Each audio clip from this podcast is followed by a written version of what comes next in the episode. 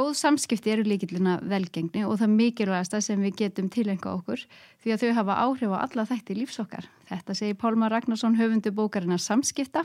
Hann er gestur hjá Gunnhildu Örnu og í Sölku varpinu. Velkomin. Já, þakkaði kærlega fyrir, bara heiður að fá að koma henni hérna í solku varpið og þetta sem þú sagði hennar rétt á hann, þetta eru orða sönnu. Er það ekki? Það er greinlega vitur maður sem að sagði þetta. Já, er það ekki? Jú. Já, engin jólasetn allavega. Nei. Þetta eru 500 fyrirlestar og 30.000 áhörundir, heyrði ég, sem þú ert búin að vera að er fyrirlestra náttúrulega, fyrir. þetta er náttúrulega rosalegur fjöldi og aldrei hefði mig gruna það að ég ætti eftir að halda svona marga fyrirlestra. En einhvern veginn hefur þetta bara þróast þannig að fólk hefur bara svona rosalega mikinn áhuga á samskiptum.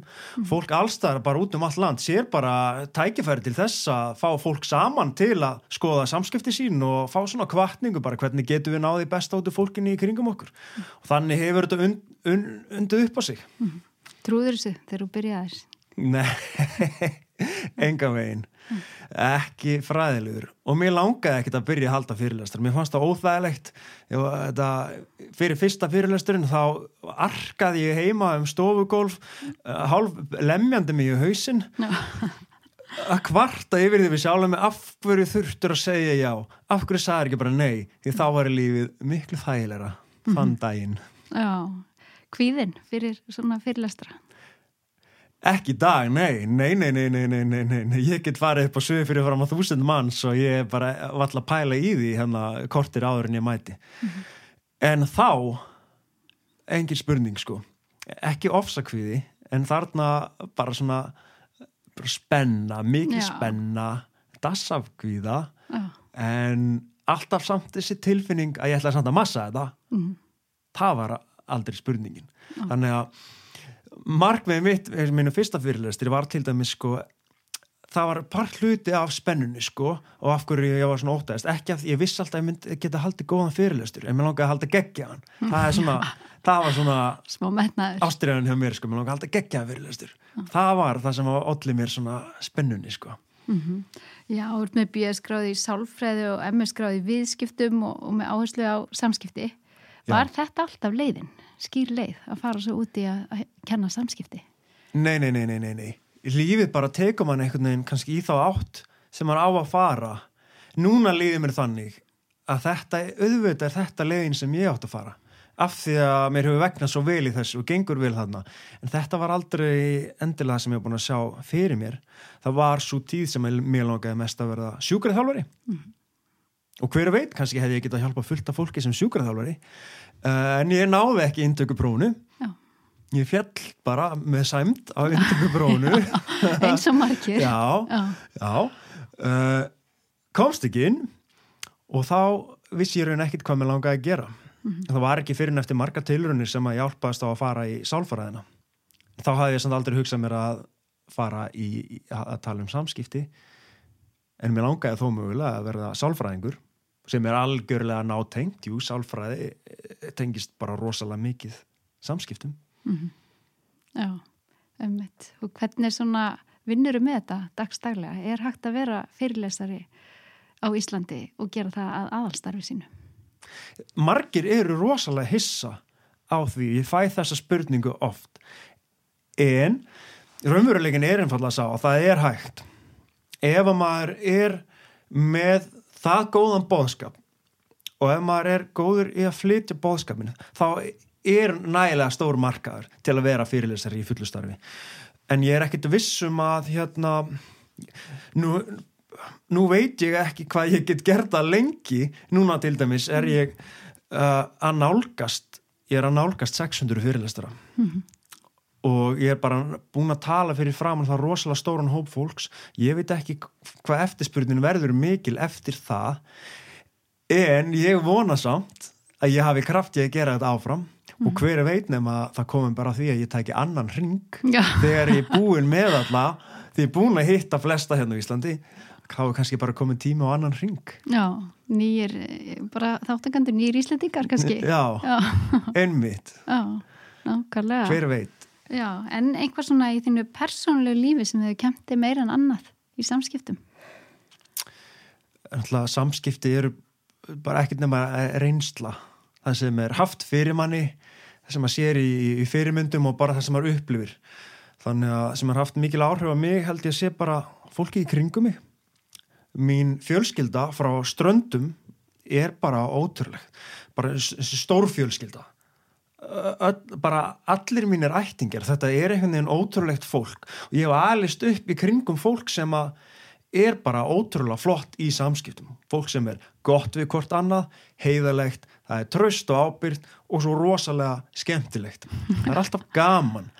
Og ég hef bara alist upp í það að vera í kringum fólk, ég er ekki bara að tala um mína einstu fjölskyldu, ég er að tala um 100, 2, 3, 4, 4 500 manns, hann að frá ströndum og sveitunum hann í kring sem að er bara einhvern veginn svona, svona sérstakt, svona skemmtilega sérstakt. Mm. og þetta er það sem ég hef haft bara í kringum mig allt mitt líf. Og þetta smitast bara yfir í mín samskipti og hvernig ég kem fram upp á sviði og, og í kjölfari og svo verður það bara svona mitt persónulega áhugamál eftir því sem að mér finnst ég verða flinkar í samskiptum að prófa mig áfram og þróa mig í átt að bæta mín einn samskipti mm -hmm. Talar um að hafa svona skemmtilegt fólk í kringu sig, getum að stjórna því með eigin samskiptum og samskiptatekni að, að verði svona skemmtilegar í kringum hann?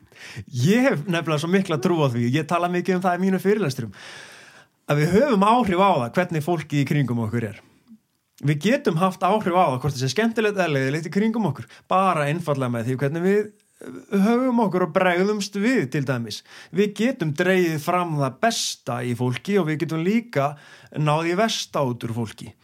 Ég er ekki að segja þessi 100% okkar valdi hvert einsta skipti en svona almennt þá er mm. þetta hægt. Og til dæmis bara upplifið það sjálfur bara eftir í, hvernig ég er í kringum. Ég hef verið í kringum fólk sem að læta mig líðan sem ég sé skemmtilegasti maður í heimi hvað gerist þá? Ég segi miklu fleiri skemmtilega hlutu, ég hlægi meira og það verður miklu skemmtilegra svo hefur líka verið kringum fólk sem að, þar sem er mér líður eins og ég sé bara leiðilegasti maður í heiminum og hvað gerist? Það líður ekki langu tími þá að ég er hættur að reyna að segja skemmtilega hluti ég er hættur að reyna að tjá mig og ég er hættur að hlæja og eini mununum sem ég sé þarna er, ég er bara eins og ég er og ég kannski svipu skapi áður en ég hitti manneskina eini munurinn er fólkið sem ég hitti hvað áhrif það hefur á mig. Þannig ég, ég segi við höfum að flestu okkar valdi að draga það besta út úr fólki með því hvernig við bregðumst við. Með því íta undir það að fólk segir skemmtilega hluti. Mm -hmm. í staðan fyrir að skjóta fólk niður. Sína fólki aðtegli þegar það er að segja okkar eitthvað. Hlusta með opinu auðu og, og brosa á sína viðbröð það er það sem að dregur það besta mm. út úr fólki. Já, það er svolítið gama við bókina en hún svona gefur náttúrulega fullt fullt að dæmi um hvernig megi haga sér og svona. En hún kennir líka kannski já, tala svona um tilfinningar og, og já, veri ekki að sína hróka og setja mörg hvað, hérna hvaða ári hefur þetta á samskipti eins og mörgin, það er gaman að velta því fyrir sér. Emmitt, já, bók, ég, við förum um víðan völl hérna í bókinni. Og bókin er einmitt ekki bara fyrir fólk sem að þarf að bæta sér sem er liðlegt í samskiptum. Það má alls ekki líta á þannig. Því mhm. bókin er jafn mikið fyrir fólk sem er flinkt í samskiptum og fólk sem að maður hugsa sér þurfa að bæta samskipti sín.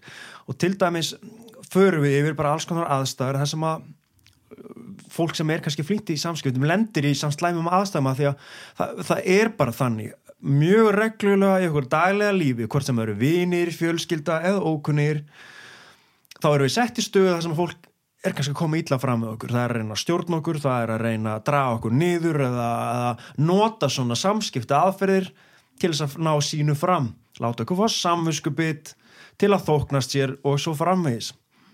Og í þessum aðstæðum þá er bara rosalega gott að átta sig á því hvað er að gerast. Byttu, af hverju er mannskinn að segja þetta við mig og, og svona? Af hverju er hann að nota þessa aðferð?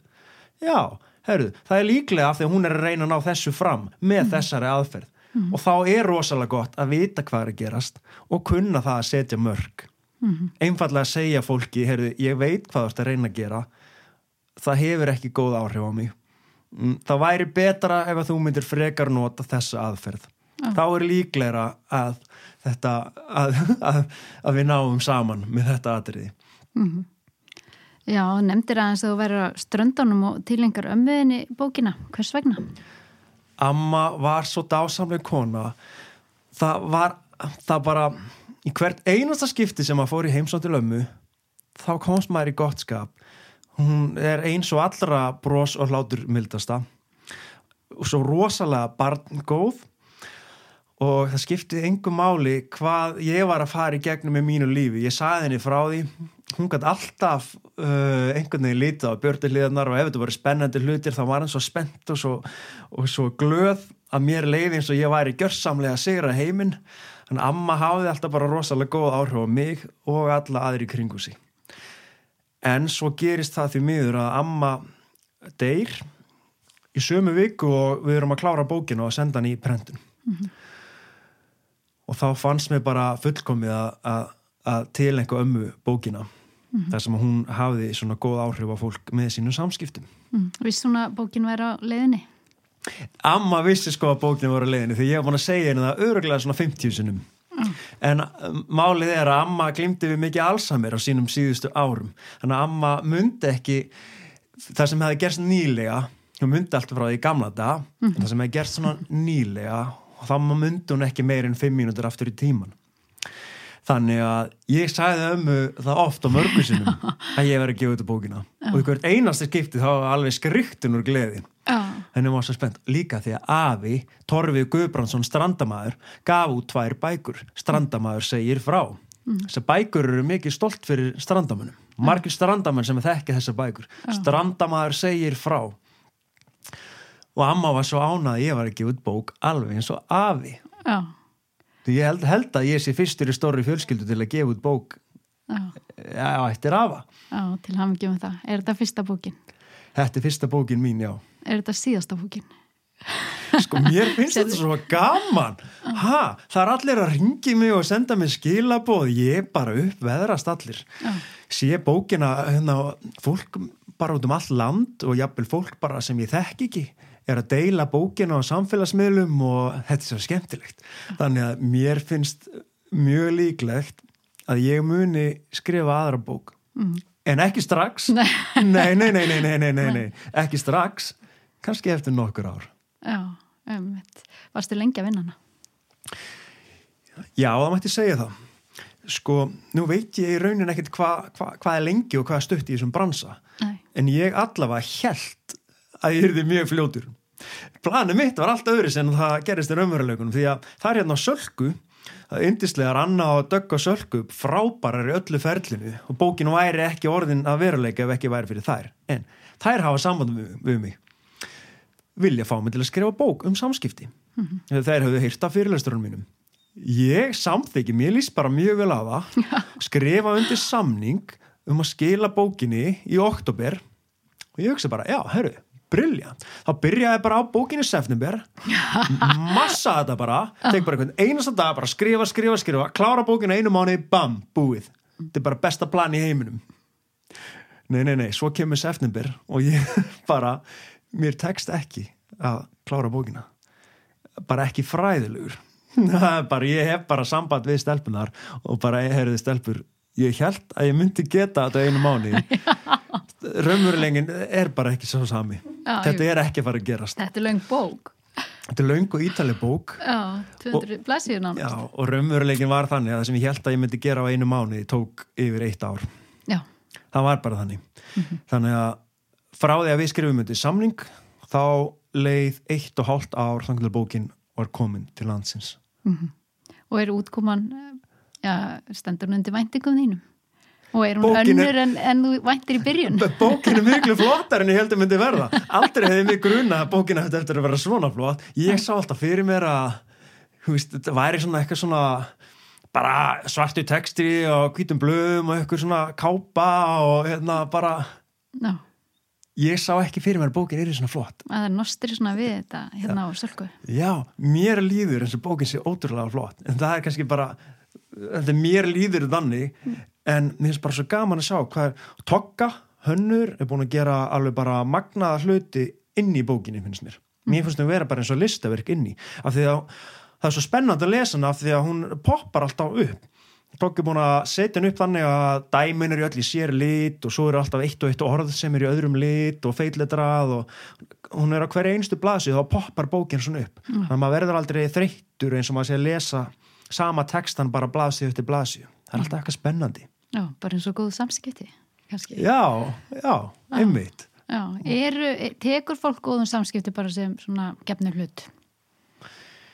Um, ég er ekkert endilega viss um það.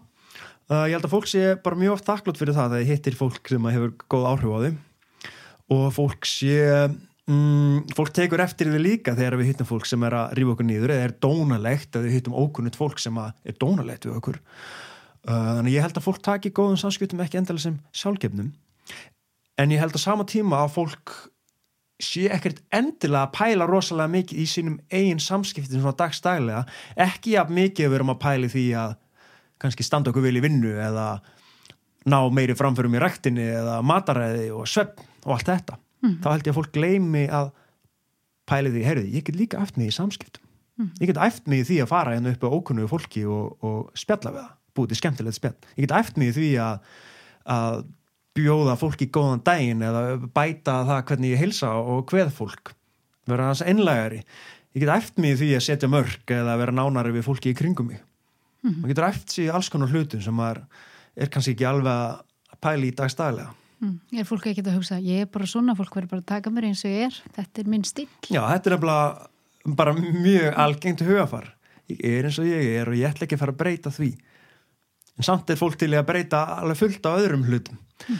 en ég segi þó maður bæti samskipti sín þá er maður ekki að eiga einhverja rosalega personubreyninga á sama tíma maður er sama manneskjan þó maður byrja að passa aðeins betur upp á hópinsinn eða passa það að verðingin út undan meiri í kringu sig eða rósa aðeins meira og brosa aðeins meira setja aðeins ákveðnari mörg og svo framvegis þá er engin svakalega personubreiting mm. þá að samskiptin séu orðin betri. Mm. Er fólk feimið við að breyta samskipta móta sínum? Ég veit það ekki. Feimið kannski eða bara ekki pæla í því. Ég, ég bara veit það ekki alveg sko. Ég, ég get ekki sæl. Mísjönd kannski bara. Já, öruglega. Já. En hvað tekur svona langan tíma að breyta samskiptum ef maður byrjar og það eru náttúrulega æfingar í bókinni sem eru mjög góðar sem að fólk getur. Er þetta, er þetta bara lífsins mál? Er maður að breytast alltaf æfi eða, eða tekur þetta stuttan tíma ef maður ákveður að venja sig af einhverjum vondum vana í samskiptum? Sko, þetta er mjög personabundið og það er alls ekki til neitt eitt svar og ég er ekkert viss hvort að hafa verið gerð rannsókn akkurat á þessu en sko, vani er bara svo rosalega sterkur í okkur. Það sem við höfum vanið okkur á jafnvel frá úlingsaldri við, við breytum því ekki svo auðvöldlega þannig að til þess að breyta vana þá þurfum við að fyrst og fremst átt okkur á því hver vanin okkar er þetta, ok, þetta er eitthvað sem ég er búin að venni mig á. Maður þarf að átt að sjá því bara hver er kosturinn við að breyta þessu? Já, ef ég menna að breyta þessu þá er þetta kosturinn og það þarf að vera eitthvað sem mann er langar. Ef mann er langar það ekki, þá er það ekki að fara að breytast. Maður þarf að langa það, svo þarf maður að vita hvernig maður fer að því að breyta því. Til dæmis með æmjungum eins og ég segi henni hérna bókinni segi frá í bókinni, hvernig maður getur eftir sig í að breyta ákveðnum hlutum. Og svo er það bara mísimunandi hvað fólk þarf að gera það lengi, leggja sér fram með það lengi en maður þarf að gera allavega nógu lengi til að maður breyti því yfir nýjan vana mm. og þá held ég að þegar maður er búin að taka gamlan vana út og setja nýjan vana inn í ákveði langan tíma að þá er mun líklar að það haldi mm -hmm. og maður er ekkert að fara að taka einhver risa skref í einu þetta eru kannski bara lítil, mörg lítil skref mm. en ég hef svo mikla trú á því að með því að uh, pæli í ákveðnum hlutum í samskiptum þá getur við gert lífið okkar svo miklu skemmtilegra. Af því það er bara ótrúlega gaman þegar að, að, að fólki gengur vel í samskiptum þá, og næriði best út úr fólkinni í kringu sig. Maður færað svo mikið tilbaka. Að lífið er bara svolítið skemmtilegt mm. þegar að allir sem maður hittir eru skemmtilegi við manna Já, það er náttúrulega óska staða. Já Þú réðst í rosalega stóra könnun fyrir þessa bók Úf. Hvernig gekk það? Ha? Og hva, hver var niðurst það? Þetta var nú meira dæmið. Herðu, mér langaði að rannsaka samskipti og ég bar þá hugmynd upp við önnu og dökk hérna sölku hvort við ættum ekki að gera rannsók til, a, til að gera bókina sterkari.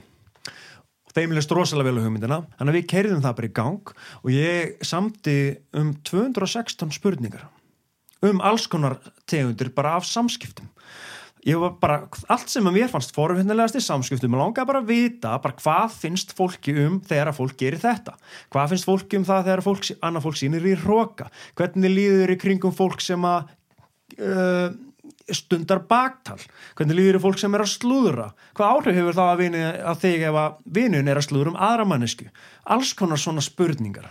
Mm -hmm.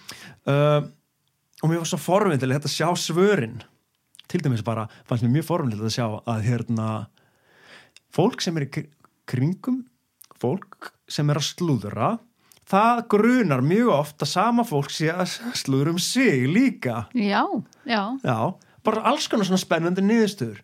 En allavega, þannig að við kerðum rannsóknin í gang ég hendi hann á samfélagsmiðla og ég er bara ótrúlega þakkláttu fyrir móttökunar því það var einfellega bara þannig að það rúðist inn svör.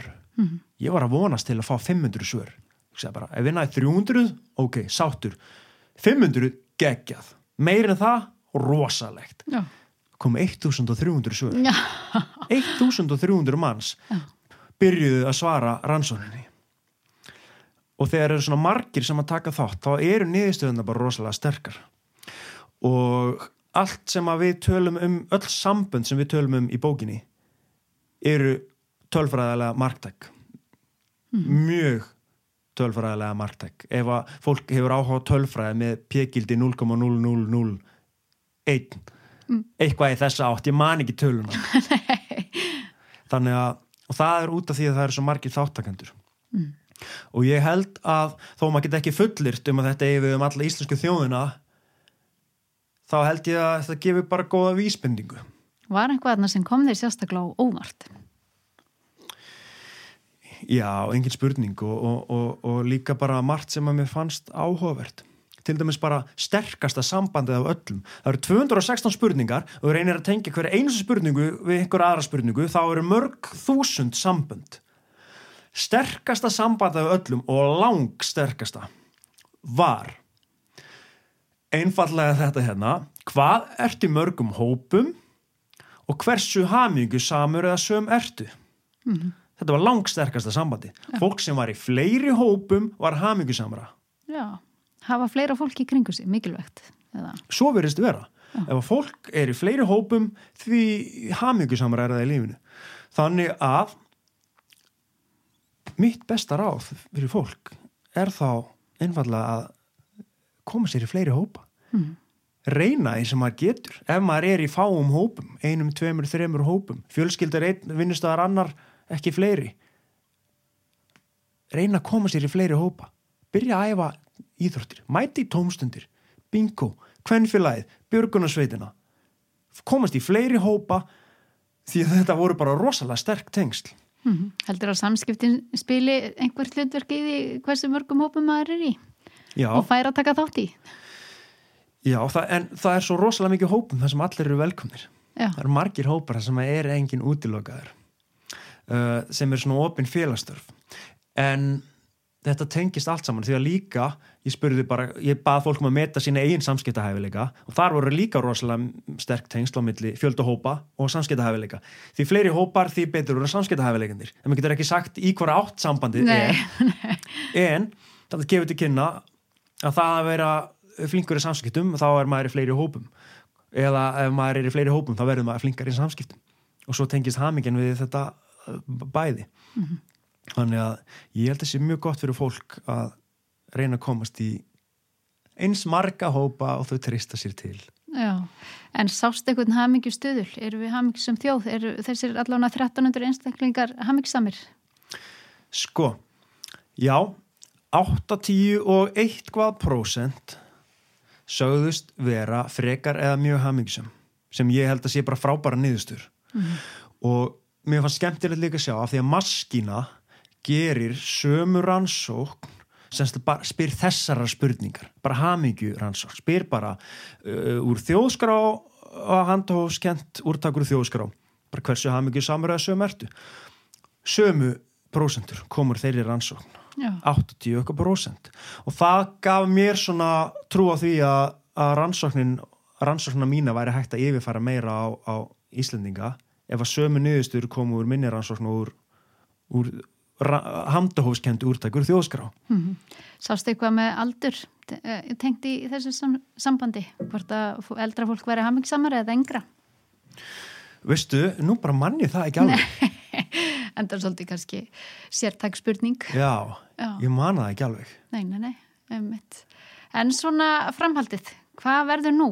Tómarúm þegar maður er búin að gefa frá sér svona heila bók eða hafingja?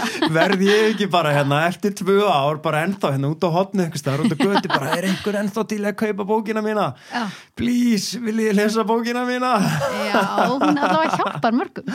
Já, það gæti gert það. Ég verð bara þarna, ég, nei, sko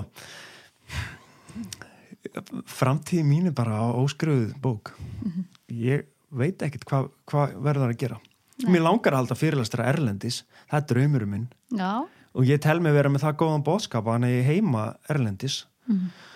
og ég held fyrirlastra líka um börn í íþróttum hvernig mm. þetta fjölga börnum í íþróttum með góðum samskiptum mm. og, og sá fyrirlastur held ég heima bara mjög víða Erlendis Já og en draumurum minn er að slá í gegn með fyrirlesturinn og samskipt og vinnustuðum Erlendis, ja. Fara í stóru fyrirtækin í bandaríkunum mm -hmm. Microsoft og, og Google og Amazon og allt þetta. Ja. það væri, það er draumurum minn og þetta er rosalega stórt markmið og, og það þarf ekkert að vera að þetta gerist. En ég meina ég hef aldrei, tap, ég hef aldrei tapað því að dreyma stórt hinga til. Nei. Þannig að við bara sjáum hvað gerist. Já, þetta er bara alveg æðislegt og gaman að fá þig hérna í Sölgu Varpið Palmór og til ham ekki með bókina. Takk kæla og ég bara hvet alla hann úti til að vera dögulega að lesa. Já, það er tími núna, þessi COVID-tími, hann aldrei skefur manni færa á að lesa svolítið. Nýta þessa daga í að lesa og margir, það eru margir sem að hafa bara ekki lesið bóki langan tíma. Mm -hmm. Þetta er akkur á tími núna. Já því að svo fer alltaf flegi ferð aftur hérna eftir einhverju mánuði þá held ég að maður verið þakkláttu fyrir að hafa náða að setjast niður. Að það vill ekki, núna vill maður ekki vera e, e, nota tíma sinni að þú veist, ok, þetta er í gangi þetta er eins og það er og við erum einmanna mörg og allt þetta. Og hvort er þá betur að nota tíman í að slappa á og lesa eða bara hafa áhugjur og líði illa? Og ef maður næri að koma sér í þann gýr að hann geta slappað af og lesið og aðeins notið af því að við vitum að svo fer alltaf stað aftur. Já. þá held ég að þessi betri nýting á tíma en að nota allan tíman í að líða illa og, og vera einmanna og örvendinga full mm, Pólmar, þetta eru frábær lokaord Takk. Takk fyrir mig